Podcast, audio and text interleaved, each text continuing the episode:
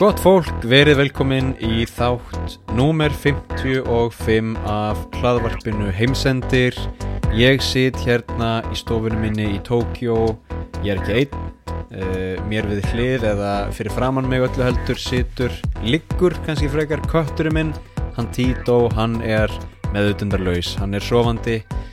Uh, enda ekki skrítið, það er sko, það er að koma oktober en það er gríðarlega heitt hérna í Tókjó. Ég fór í morgun og hljóp uh, nýju kílómetra, hvorki meira en ég minna og bráðnaði auðvitað uh, á meðan ég hljóp. Það er mjög heitt, það er reyndar ekki jafn rakt eins og hefur verið uh, sérstaklega í sumar en, en við erum að tala um, ég skal nú bara kí- kíkja á það spurja Google um, hvað er heitt hérna í Tókjó það er 28 gráður. Klukkan er að verða fjögur og það er 28 gráður í Tókjó og þetta verður vist svona uh, út vikuna, út mánuðin fram í miðjan oktober segja þau um, þessi mikli hiti. Mér finnst þetta bara fínt.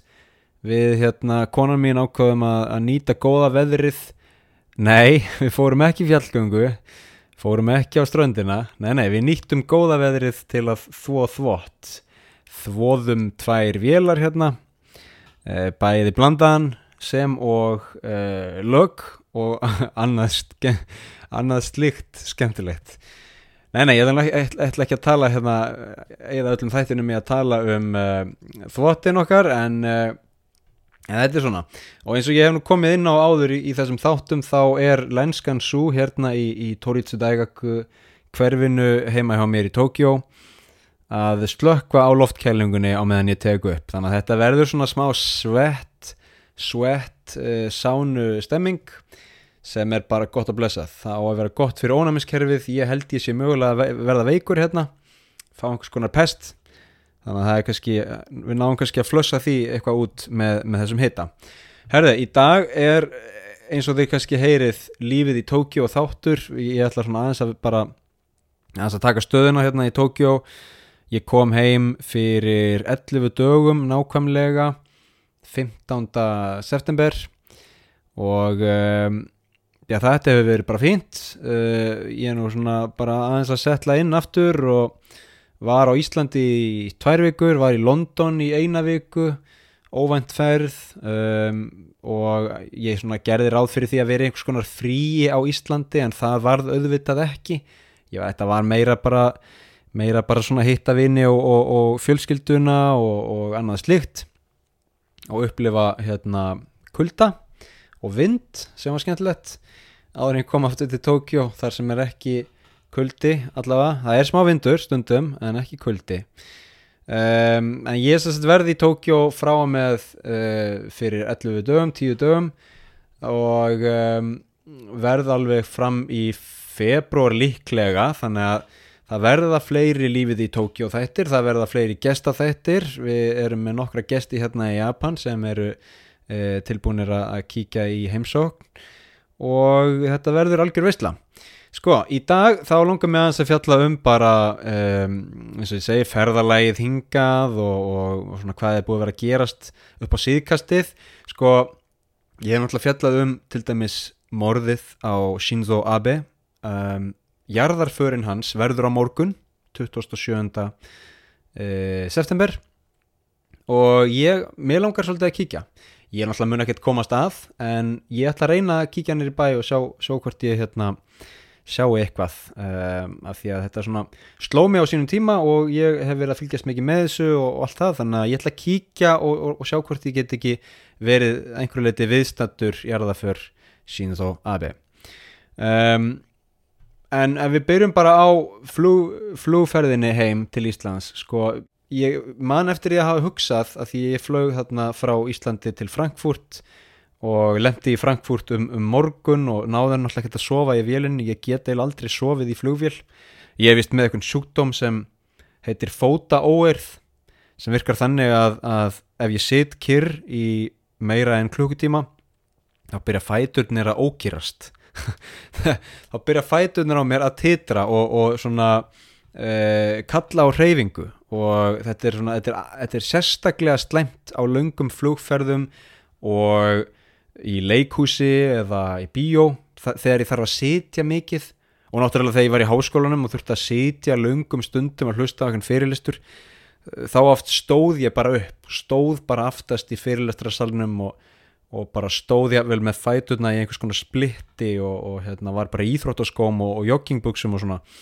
Og því ég gati ekki setið, ég bara á erfitt með að sitja í langan tíma af því þá fara fætunar að ókýrast það heitir Willis-Ekbom Disease Restless Leg Syndrome og er alveg ómögulegt. Þetta er ömurlegur sjúkdómur. Þetta er alveg ógeðslega leðilegt af því að sko um, auðvitað er þetta náttúrulega að einhverju leiti uh, hvað segir maður?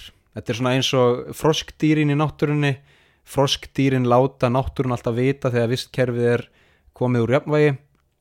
Og á sama hátt þá sko á, ágerist fóta óeirðin hjá mér. Ef að ég er undir álægi eða ef ég er þreyttur ef ég er ekki búin að vera stundar líkamsrækt eitthvað svona, þannig að ég veit að ef ég er slæmur þá þarf ég aðeins að fara að skoða hérna rútínuna sko en, en þarna, veist, er ég í flugvilni að fara frá Íslandi til Frankfurt og það er nú ekkit langt flug en ég gæti samt ekkit sofið það því að ég var bara, fæturni voru bara alveg á fullu. Og þetta er svona skrítin tilfinning sem sko, sem lýsir sér þannig að þú ert einhvern veginn með fætun að kyrra og svo bara kemur svona eins og kláði eða einhver óþægindi inni í fætinum og þið langar að, að veist, klóra þér eða gera eitthvað en það bara virkar ekki en þú verður bara að reyfa fætuna þú verður að standa upp og lappa eða einhvern veginn að reyfa fætuna annars fer þetta ekki. Og þess vegna er þetta svo ómögulegt. Einstakasinnum hef ég lendið í þessu þegar ég ligg og er að reyna að sopna og það er ekki gott. Þetta er oftast þegar ég er sitjandi og svo ef ég leggst út af þá fer þetta.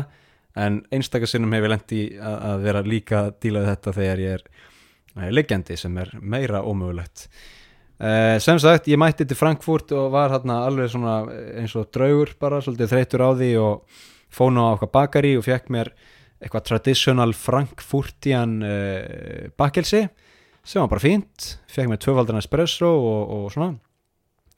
Og svo hérna svo einhver hérna, svo fór ég í sturtu fór í sturtu á flugöldunum í Frankfurt. Það var svolítið skemmtilegt, það var endar ískallt vatn, kom ekkert heitt vatn ég hugsaði, nú, er þetta því að Putin er búin að skrúa fyrir gasið?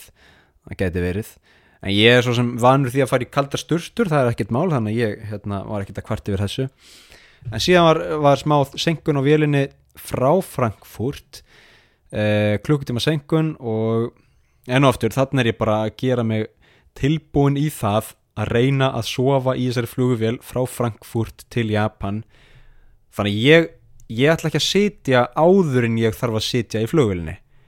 Þar að segja ég, ég vil lámarka þann tíma sem ég þarf að sitja þannig að á flugvellinum í Frankfurt þá var ég að lappa fram og tilbaka, ring eftir ring eftir ring eftir ring eftir ring, hlusta á okkar podcast ég lappaði í klukkutíma fram og tilbaka það voru komnar svona rennur í gólfið eftir eftir hérna göngu, göngu eftir göngutúrum minn sko eins og í tegnimundum og ég hérna náði einhvern veginn aðeins að þreita fætuna áður en ég e, fórum borðið í vélina. Og svo fjekk ég sko heila sæta röð í vélinni.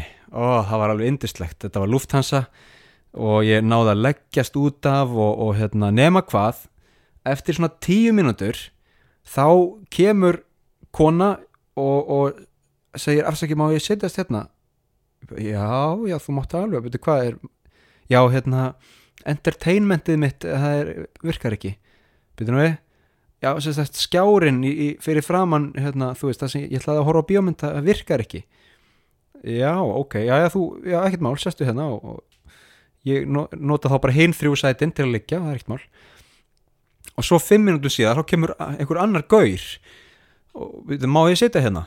Já já, nú vandast málið, ef þú sest hérna þá get ég ekki lagst, þá get ég ekki lagst lengur og þá get ég ekki skofið en uh, þú mátt samt alveg setja hérna, ég ætla ekki að banna þér það. Uh, getur verið að þetta sé entertainment systemið sem er að klika þannig að hefur Já, já, ég, ég ætlaði að horfa á bíómynd og það bara virkar ekki hennar kerfið og flugfræðin ba, baði mig bara að setjast hérna. Já, já, frábært. Hörru, þannig að ég endaði á því að, að sitja bara venjulega eins og, eins og bara flestir aðrir í vélinni sem svo sem allt í lagi nema hvað ég gæti náttúrulega ekkert sofið. Þannig að ég hérna ég, ég eh, tók eh, eina góða sveppölu eh, bandaríska. Ég hef verið prófað að taka japanskar sveppilur og svona, það virkar ekki neitt. Og ég tek aldrei svepptöflur nema í flugvél um, til að svona uh, auka líkurnar á því að ég geti sofið, það er alls ekki gefið, en það er eigur aðeins líkurnar á því ég náði nú ekki mikið að sofa, ég horfið á okkur bíómynd um, Everything, Everywhere, All at Once heldur hún heiti. En ég var bara svo ótrúlega þreyttur og skrítin og svo náttúrulega var ég bara svefndrukkin og, og eiginlega bara drukkin á þessari svefntöflu líka. Þannig að ég náði ekkert að meðtaka þá mynd. Mér fannst hún ekki skemmtileg en, en ég held að sé bara af því að ég var ekki með aðtegli um, síðan horfið ég á Nomadland. Mér fannst hún skemmtileg reyndar svo, svo er svona aðeins í lokin náði aðeins að sopna eh, ég var á 24 klukktíma ferðarlagi og ég svaf í svona fjóra tíma. Um, og mætti til Tókjó um nýju á förstudags morgni og vissi bara já já here we go. Uh, ég get ekki fara að sofa núna því að þá er ég komin í jetlag rugglið. Nei nei ég þarf að halda mér vakandi uh, fram, fram á kvöld. Þannig ég var vakandi í svona þrjá sólurringa cirka og, á, veist, og svafi hérna eins og ég segi fjóra tíma á þremur sólurringum um, þetta var svona já, já um, þetta var ekkit, ekkit rosalega skemmtilegt en, en ég er nú vanur þessu. Vanur svona lungum ferðalögum vanur því að sofa lítið.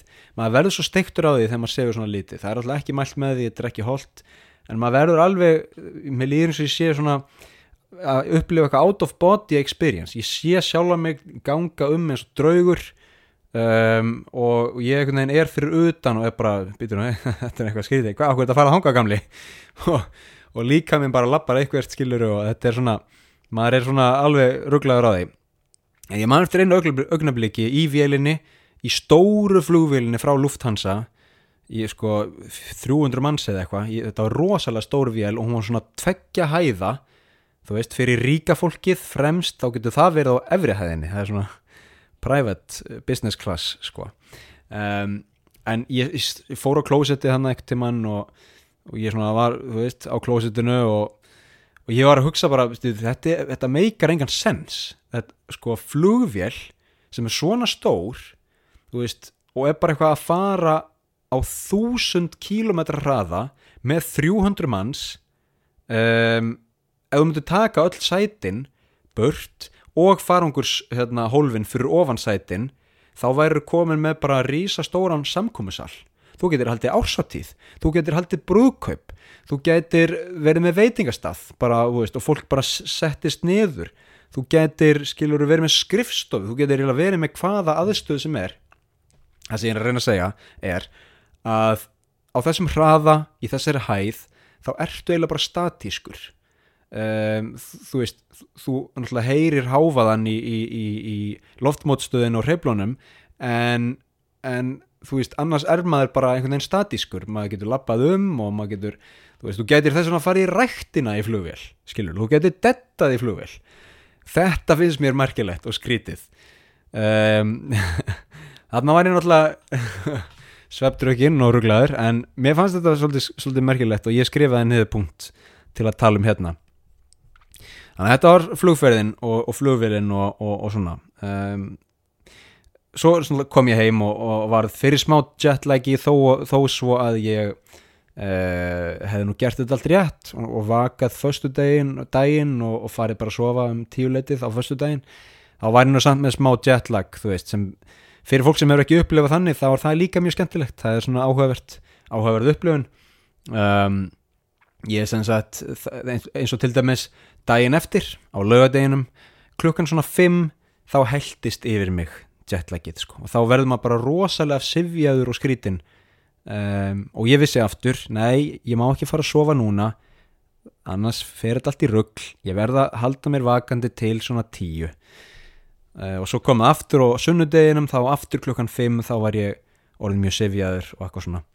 Þetta er mjög áhugavert uh, og, og ennu aftur þegar maður er svona í jetlagi og, og sivjaður og skrítin þá er eins og maður sé að upplifa sjálfan sig utanfrá. Þannig líður mér allavega. Herði, hérna þetta var, þetta var ákveðin um, ákveði gas eins og sumir segja. Um, en, en, en ákveðin lýsing á ferðalæginu mínu frá Íslandi til Tókjó talað um Tókjó tökum dagskrárlið fastan lið sem heitir Katakana vikunar annað nafn japansku hornið. Sko um, í dag langar mig að fjalla um japansk kvikmyndanöfn. Þar að segja nöfn, sko japansk nöfn nei, þetta eru, eru erlendar myndir sem heita ekki það sama í Japan og erlendis. Uh, þetta útskýrir sér sjálft en það er sem sagt þannig að uh, myndir sem koma til dæmis frá Hollywood það er heita eitthvað í bandaríkjunum og heita líklega það sama í Evrópu og eiginlega bara út um allan heim nema til dæmis í Japan. Og það eru örgulega fleiri lönd sem breyta nöfnunum en Japan er, er gott dæmi að því að mjög margar bíómyndir heita eitthvað allt annað í Japan. Þetta gera það verkum að uh, þegar maður er í Japan og er að tala við fólk og er að segja já, hörru, þetta er svona eins og í Lord of the Rings. Að þá kannski segja þau byttur náði já, þetta er eins og í Lord of the Rings, mannstu ekki? Uh, Lord of the Rings og þá, segja, já, að meina uh, Seven Rings eða eitthvað? Þú veist, og þá heitir hún eitthvað annað. Okay, ég, ég veit ekki hvað Lord of the Rings heitir og, og japansku, hún heitir kannski bara Lord of the Rings en, en þið vitið, það koma dæmi núna eftir smá, ég ætla að taka dæmi um þetta en, en áður ætla ég bara að útskýra smá þetta er örgulega eitthvað með það að gera að sum uh, ensk orð eru velþekkt í japansku í til dæmis katakana önnur eru ekki eins velþekkt þannig að ef það kom einhver skrítin orð um, sem, sem erfitt er að marka setja, setja í Japan þá eru þau víst til að breyta bara nafnin á bíómyndinni. Ok, tökum nokkur dæmi. Uh, það er til bíómynd sem heitir The Fast and the Furious um, þegar hún kom fyrst út þá langaði mig til dæmis að kaupa breytan uh, japanskan bíl og uh, fá mér nitro og taka, taka aftursætin út og fá mér veldigrind og eitthvað svona. Eh, úr því var það aldrei en, en, en ég man eftir þessari mynd og hún var áhugaverð. Í Japan heitir The Fast and the Furious Wiredo Speedo sem er náttúrulega Wild Speed eða Viltur Hraði búið fram á japansku Wiredo Speedo ok, þetta er, þetta er áhugavert. Um, svo er ein góð hérna sem er náttúrulega It bíómyndin It trúðurinn og svona. Hún heitir Sorega Mitara Owari sem þýðir If you saw it it's done.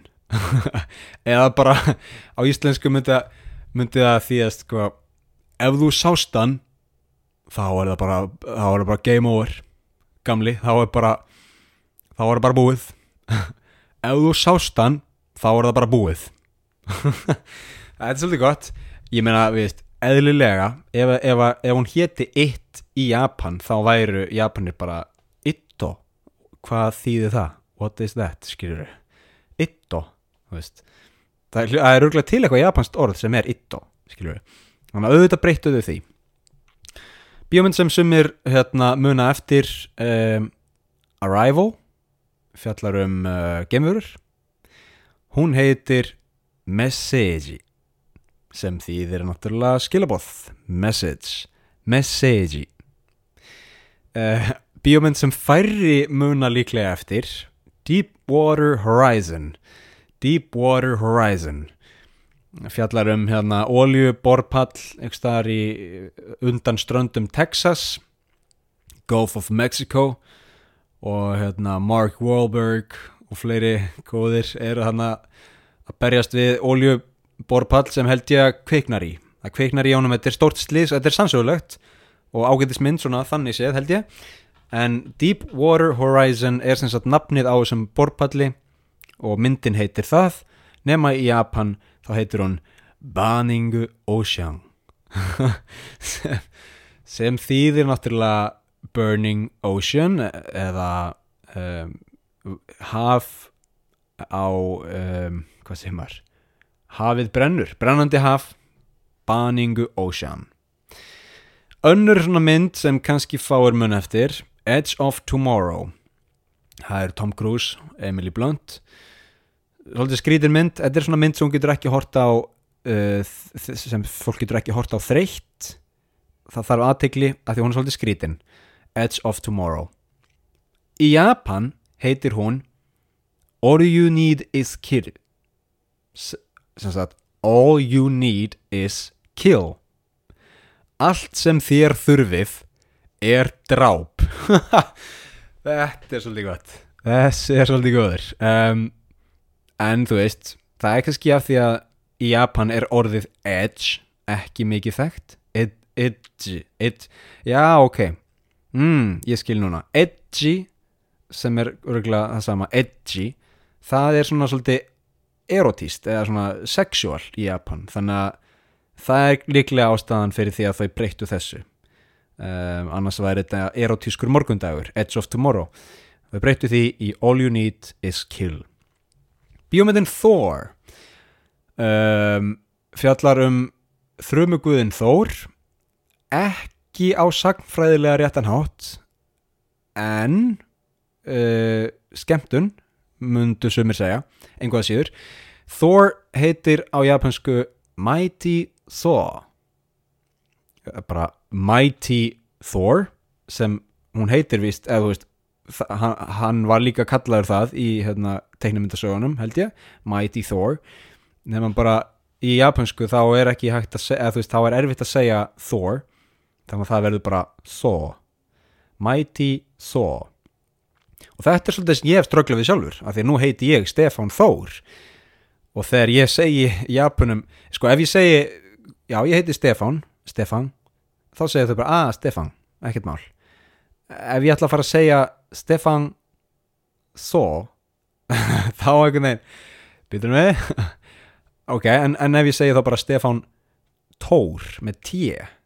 Stefán Tóru Uh, það meika samt ekki sens að því að Tóru er Japans nafn uh, sem er svolítið skriðið þannig að ég segi oftast bara ég heiti Stefan Herri, Dum Dummer hún heitir í Japan Jim Carrey is Mr. Dama sem er svolítið leðilegt fyrir Jeff Daniels að myndin heiti bara við kynnum Jim Carrey í hlutverki Mr. Dummer en við ætlum ekki að kynna Jeff Daniels hann er augalutverk einhvern veginn allavega, Dum Dummer heitir Jim, Jim Carrey is Mr. Dumma síðast en ekki síst bíómyndin Requiem for a Dream það er svolítið merkileg bíómynd og, og góð bara mörguleiti skemmtileg tónlist í henni.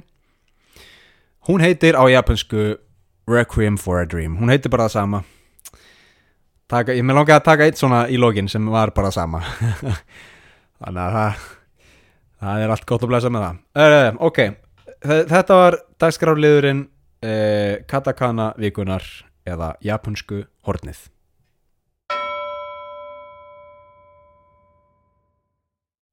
Jæja, nú langar mig að fara í uh, nokkra punta sko, fyrst og fremst góður er eh, búðarstarfsfólk er þjálfað í þjónustulund. Ég er að lesa upp punktin sem ég skrifaði um, og svo, svo lýsi ég þessu betur. Sko, í, í Japan þá er um, hvað segir maður? Það er sko, Japan er stort land.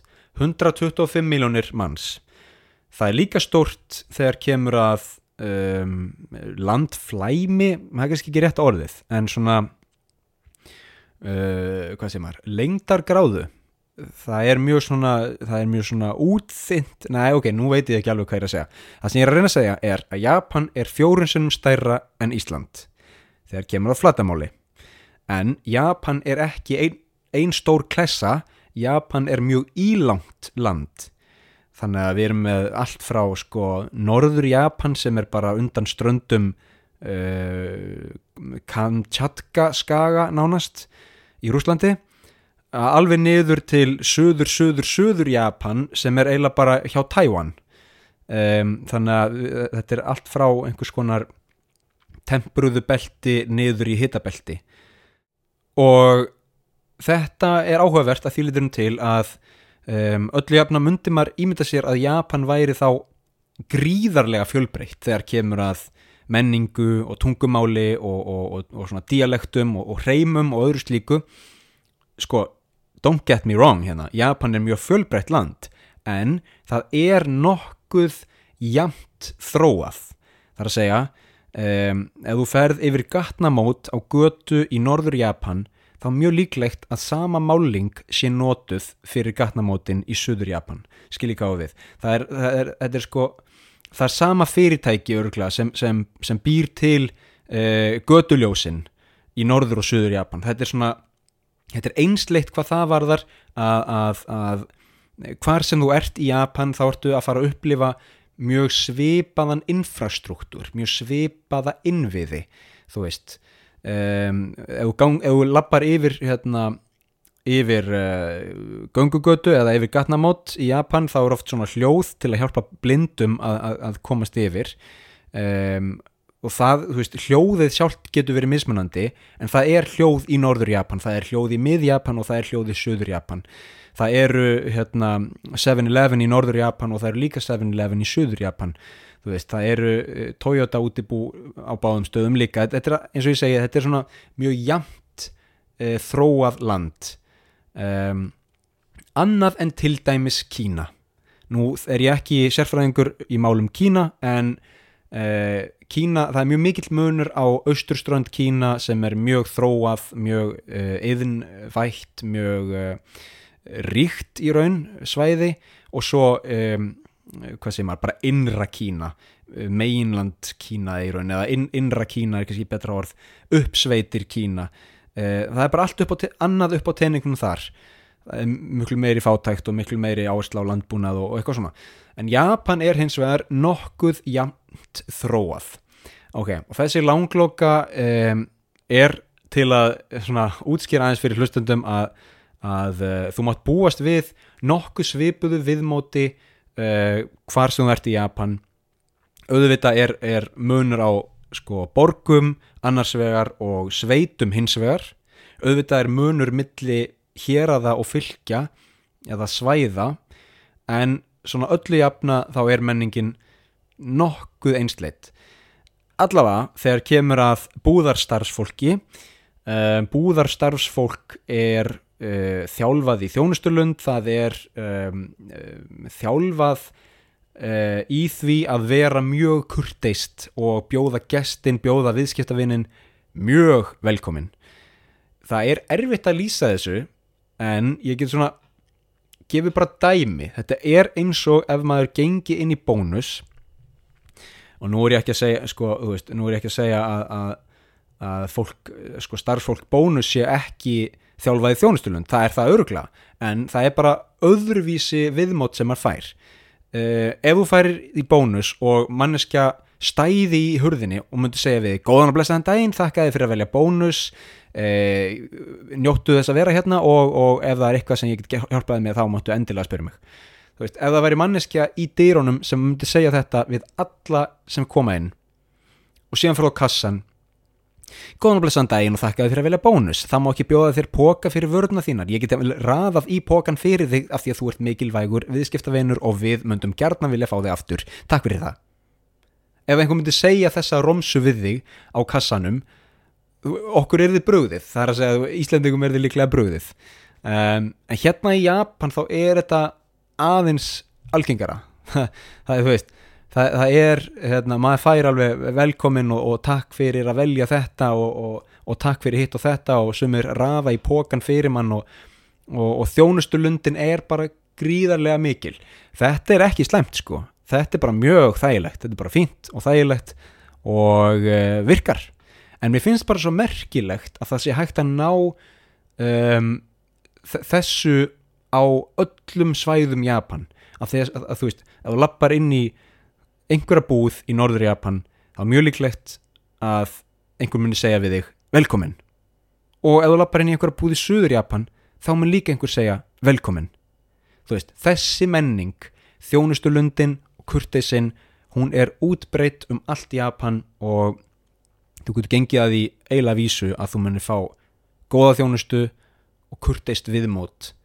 Uh, sumstaðar mundur mögulega myndi þér mögulega líða eins og það sé aðeins einlægara en annar staðar vissulega, ég menna af því að þetta eru staðlaðar setningar sem fólk er að segja þú veist, þau eru ekki endilega að tala frá, hjartanu en þetta einhvern veginn virkar og, og þú veist, ég get alveg ímynda með þú veist, á Íslandi skilur kannski einhverjir svona einhverjir mentaskóla krakkar sem er að stíga sinn fyrstu skref í einhverju vinnu hér og þar og er svona ekki alveg að skilur þau myndir kannski bara segja og þau eru kannski bara í Airpods skilur, þau eru bara að hlusta á eitthvað dót. Þau eru kannski að hlusta á heimsendi á meðan þau eru að skanna inn einhverjar vörur. Veist, og það er bara fínt, það er bara gott að blessað en það myndi aldrei ganga í Japan. Það er einhvern veginn, Japan er bara gert ráð fyrir því að allir séu bara on top of their game þegar kemur að uh, þjónustulund og gestristni og, og öllu þessu. Þið verður bara komið til Japan til að upplifa um, sjónirsögu ríkari.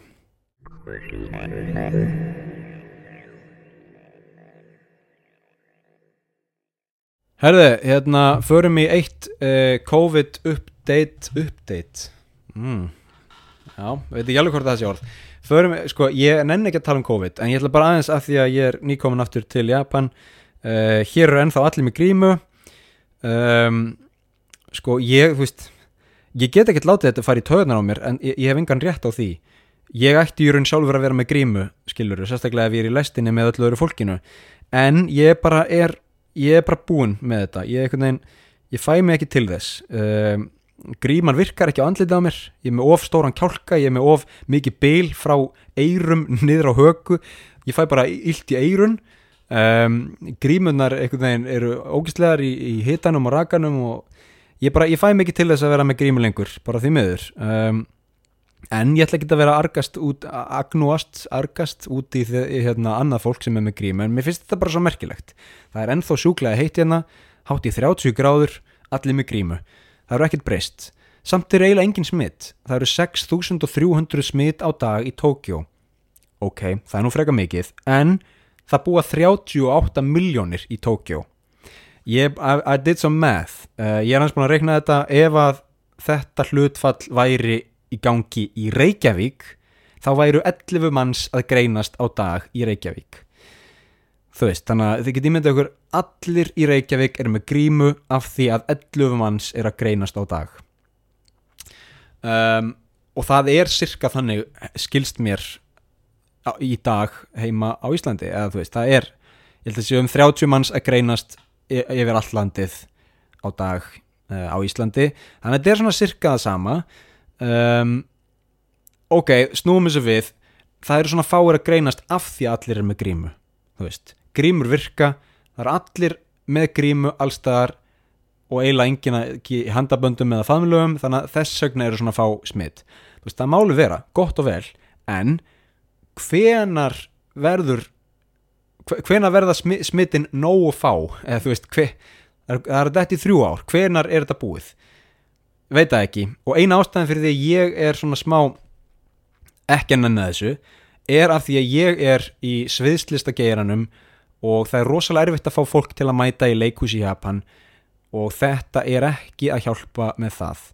Þannig að fleiri og fleiri í sviðslistageiranum verða atvinnuleysir og, og þú veist ég veit, ekki, ég veit ekki hver framtíðin er í japansku leikhúsi en hún er ekkit rosalega góð og þessi, þessi staðrind er ekkit að hjálpa því rosalega mikið. Og ríkistjórnin er ekkit að pæli því ég menna, ja þú veist já, það er bara liturlega þannig, ríkistjórnin er ekki uh, and um, um, um einhver, einhver leikhús hér og þar eða leikhópa, whatever. Uh, ok, smá svona púst uh, eh, hérna allavega, ég hérna að halda áfram að, að, að vera ekki með grímu um, allavega utan dýra og þegar það er ekki mjög margir í kringum mig. Ég skal alveg, alveg setja upp grímu ef ég er sko í lestinni og það er tróðfullt jájá, allt í læg, líka bara því að fólki í kringum mig þú veist, svo, svo þýliði aðeins betur. En þegar ég er bara að hugsa um sjálfan mig þá er þetta allt í læg, ég er búin að fá COVID ég er þrý bólusettur og ég veit ekki hvað og hvað. Ég, held þetta sé fínt. Herri, ok, ég nenni ekki að tala um COVID lengur, þetta er bara, þetta er alveg búið. Förum í fastan dagskrálið, það er hljóðveikunar og, og mér langar að spila bara smá hljóðbút. Þetta er eitthvað sem ég fann. Og þetta er líka gott svona rétt eftir að, að hérna, ég talaði um þjónustulund uh, hjá japansku búðarstarfsfólki. Og uh, veitinga, veitingastöðum uh, þetta er svona hljóðbútur frá einhverju sem heitir Savor Savor Savor Savor Savor Japan. Um, Savor ok, skiptir ekki máli. Þetta er, þetta er eitthvað magasín, þetta er eitthvað, eitthvað tímaritt sem fjallar um veitingastæði og þau gáð vídeo, þar sem er verið að klippa saman fólk á hótelum og á veitingastöðum að segja Irashaimase sem þýðir bara velkomin. Og ástæðan fyrir því að valdi þetta er af því að fyrir fólk sem hefur áhuga á Japan fyrir fólk sem um, ætlar að koma til Japan einhvern tímann þá er, eitthvað, þá er þetta eitthvað sem þið munu pottit heyra. Um, Irashaimase þýðir bara velkomin og þetta er sagt ef þú lappar inn í uh, smávörverslun 7-Eleven þetta er sagt ef þú lappar inn á veitingastað þetta er sagt ef þú uh, auglustlega ef þú lappar inn á hótel og, og sérstaklega ef þú átt bókað. En Irashaimase er eitthvað sem heyrir út um allt. Sumir segja hérna, stitta það í Irashai uh, og það er alls konar leiðir til að segja þetta litla orð Irashaimase uh, á sushi stöðum myndu líklega að heyra Irashai eða, eða Irashaimase eða eitthvað svona öskraði ég vel sko og, og hérna, það er svolítið skemmtilegt ég ætla að spila þennan hljóput þetta eru nokkur dæmi um fólk að segja velkomin eða Irashaimase いらっしゃいませ新規4名様ご来店です いらっしゃいませいらっしゃいませいらっしゃいませいらっしゃいませいらっしゃいませいらっしゃいませいらっしゃいませ。ようこそお越しくださいました。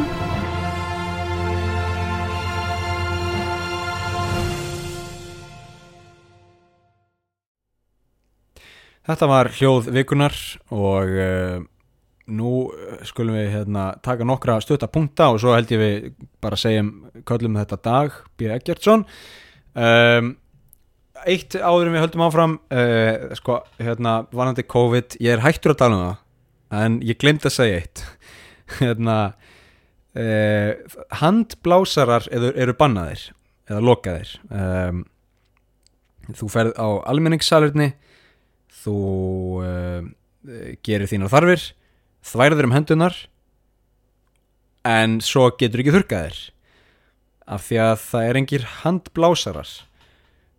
Hvað með handþurkur nei, það er ekki, veist stundum er það, jú, stundum er það notað í staðinn sem er ekki gott heldur af því þá er sko verið að já, eigða pappír í staðin fyrir að hérna hætta á eitthvað smá smitt eða eitthvað, ég veit ekki. Allavega, á meðan að COVID er í gangi þá verða handblásarar bannaðir um allt Japan.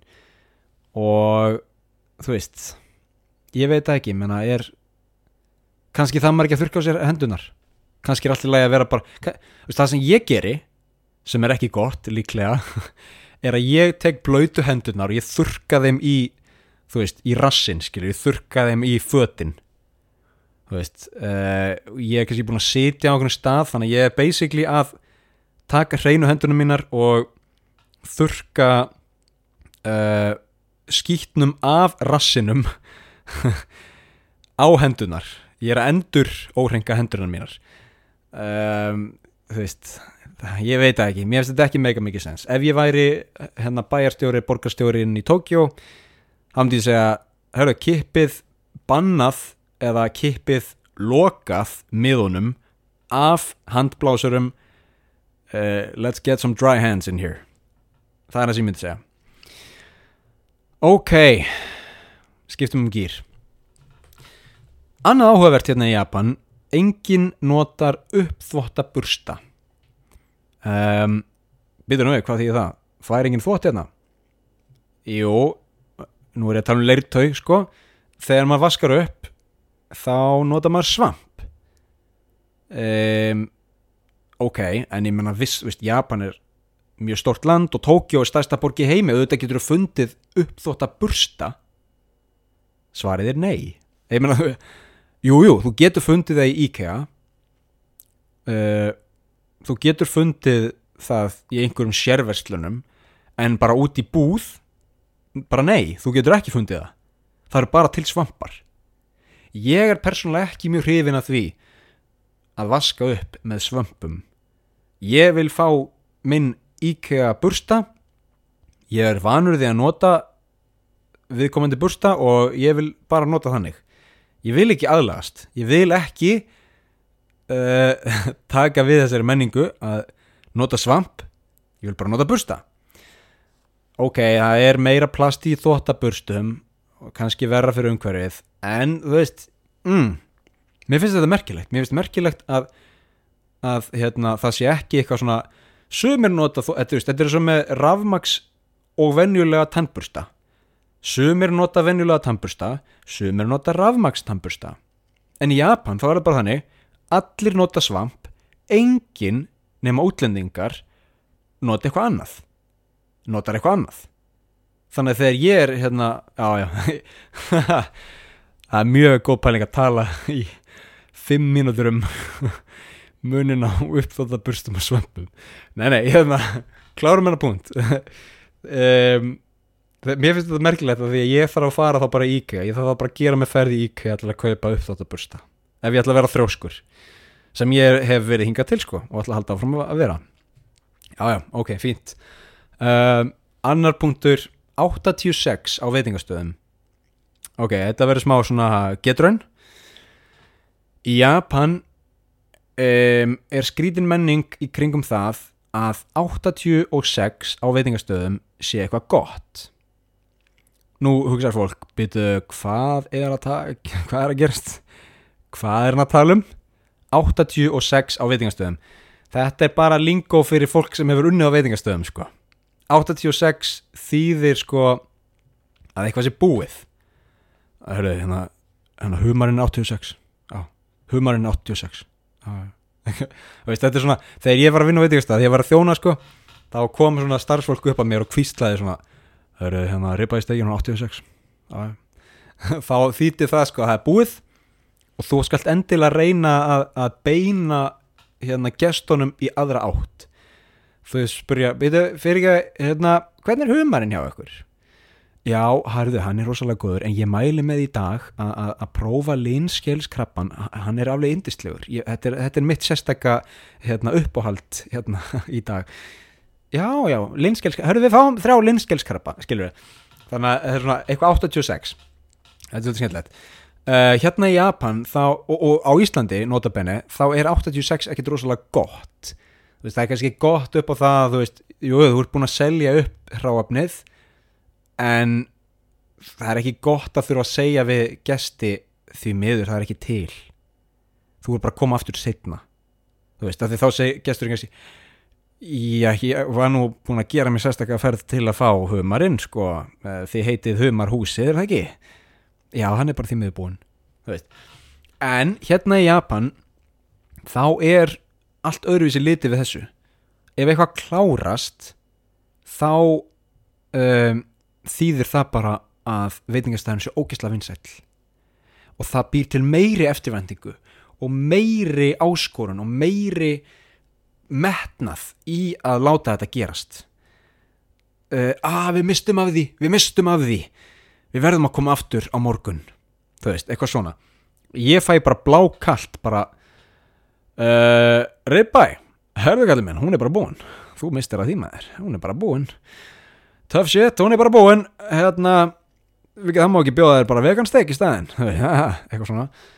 Uh, í, veist, í Japan þá og, og nú er ég bara að tala út frá minni upplifun, þú veist.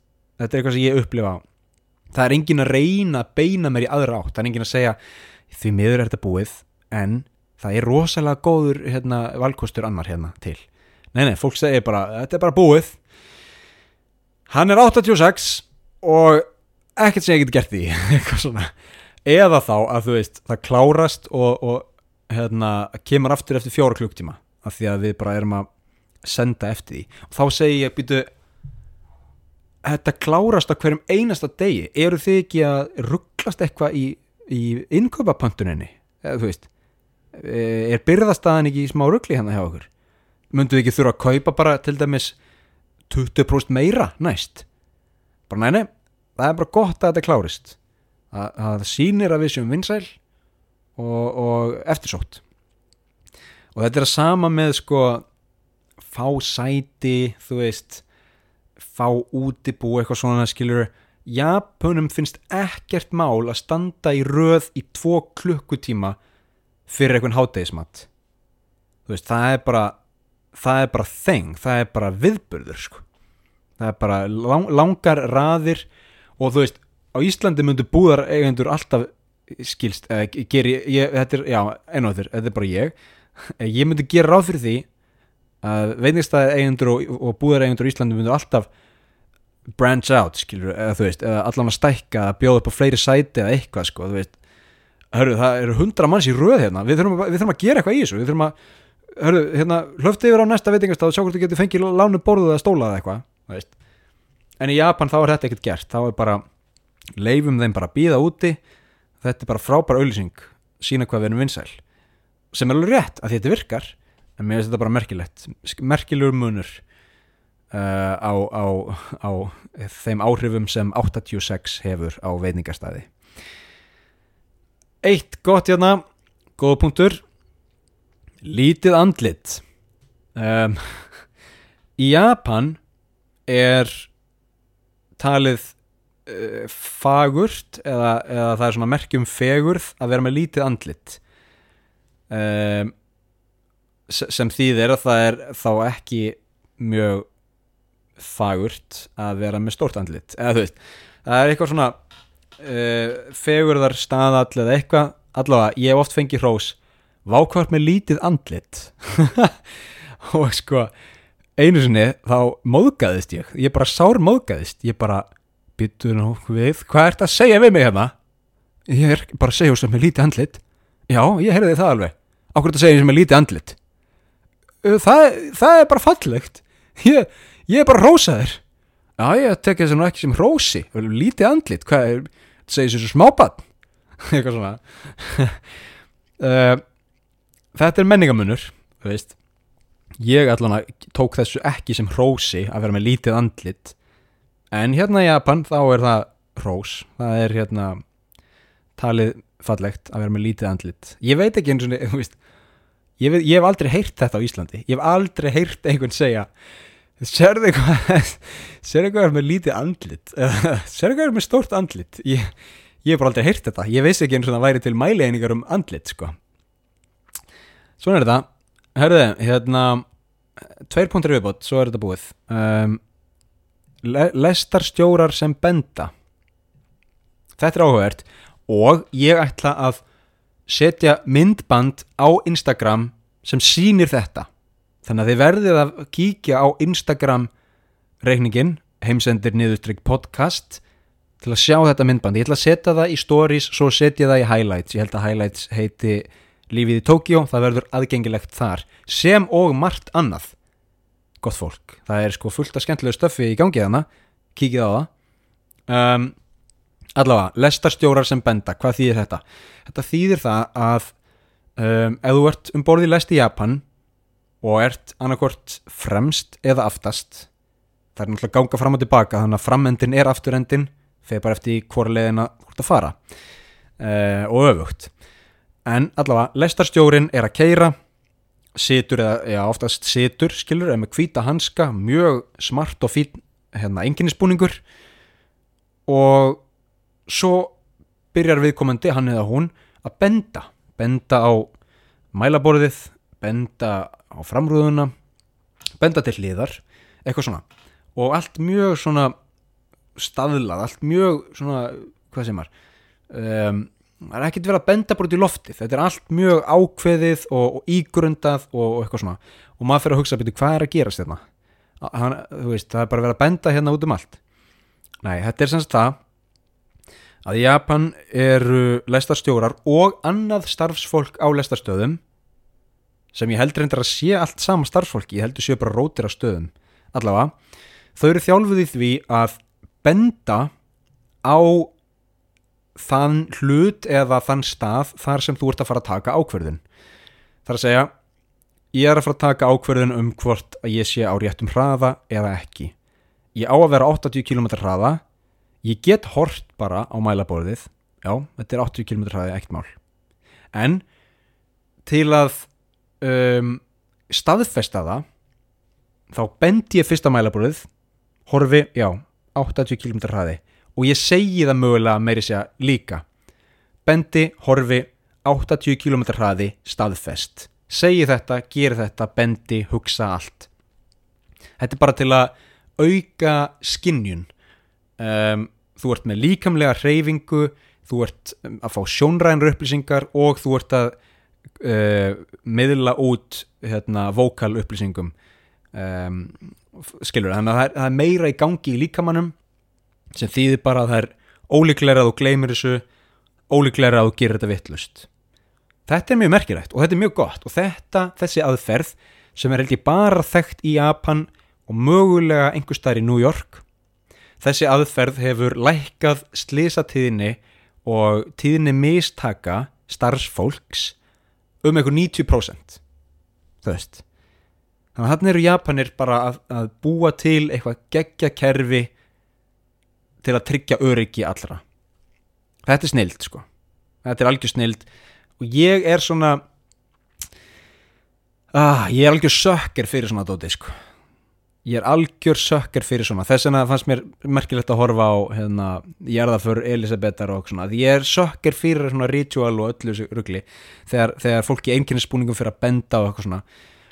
Auðvitað er, er til dæmi um fólki einnkynningsbúningum að benda sem eru ekki góð en þið veitir, allavega, þegar ég er um borðið í japanskri lest þá fer ég fremst eða aftast til að fylgjast með þessu, af því mér finnst þetta svo skemmtilegt.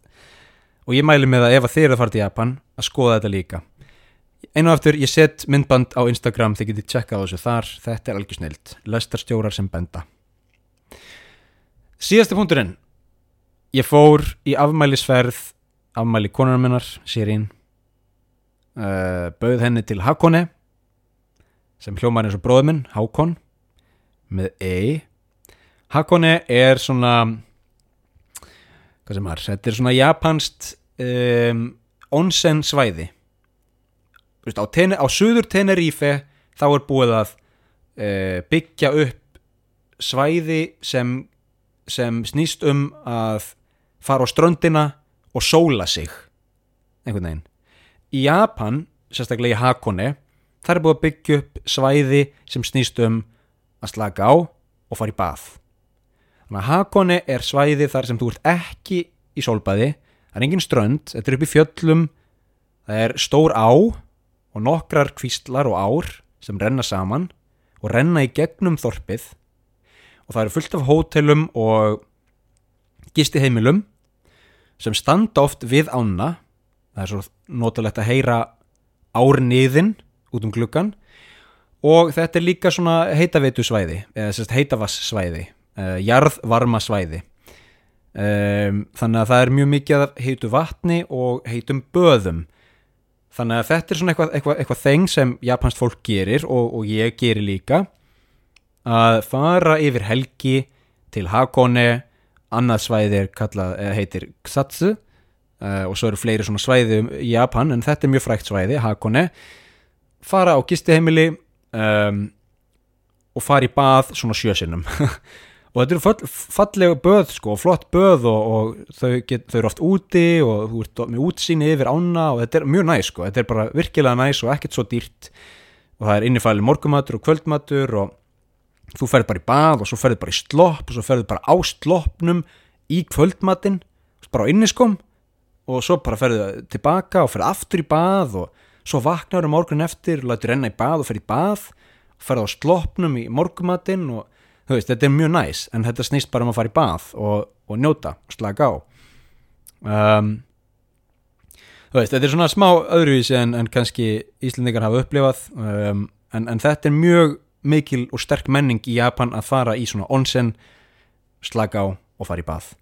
Mér fannst líka merkilegt við fórum þarna upp í, í fjöll. Við, sko, Hakoni er held ég ekki 150 metra hæð, við fórum upp í 400 metra. Þar er annað þorp sem heitir Miyanosta og þar er hótel sem heitir Fujiya og þar gisti John Lennon fyrir 50 árum. Og þar gisti Einstein fyrir 100 árum eða 90 árum eða eitthvað svona. Og Twiggy einhver hérna bresk fyrirsæta um, og fleira gott fólk. Uh, mjög frækt hótel þetta lítur svolítið út eins og hótelið í Shining um, en algjör luxus og fáránlegt hótel. Þetta er svona blanda vestrænu og, og hérna japansku og þetta var víst fyrsta hótelið í Japan til að keitera að, að vestrænum ferðalöngum. Og þetta er ennþá starfrækt búið að vera í mörg hundra ár. Mjög merkilegt. Ég mæli með að kíkja til Hakone og skoða svæðið í kring og fara í bað. Jæja gott fólk, þetta var bara held ég ágætt hjá okkur og gott að vera komin aftur til Japan og gott að vera komin aftur í, í lífið í Tókjó ég vona að þið hafið haft gaman af. Nú verði ég að fara að kveikja á loftkælingunni að því að ég er alveg að brána hérna. Kötturinn sefur ennþá um, sólinn er farin þannig að nú get ég tekið þvottin inn.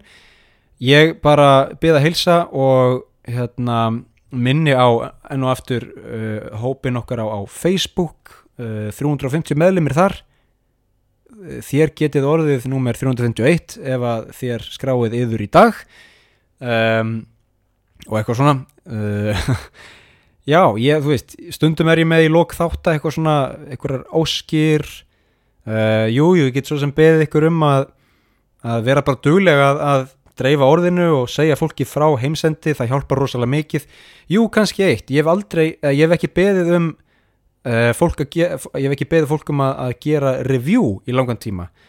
Ef þið hafið tíma uh, þá væri mjög næs ef þið getu ger, gert review á Apple Podcasts eða Spotify. Hvað finnst ykkur um þættina? Um, gefa engun þetta hjálpar algoritmanum mjög mikið. Þetta hjálpar mér mjög mikið og ef fleiri koma að hlusta þá get ég gert fleiri og vonandi betri þætti Win, win, win, win, win, win. Takk fyrir að hlusta og við heyrumst í næsta þætti.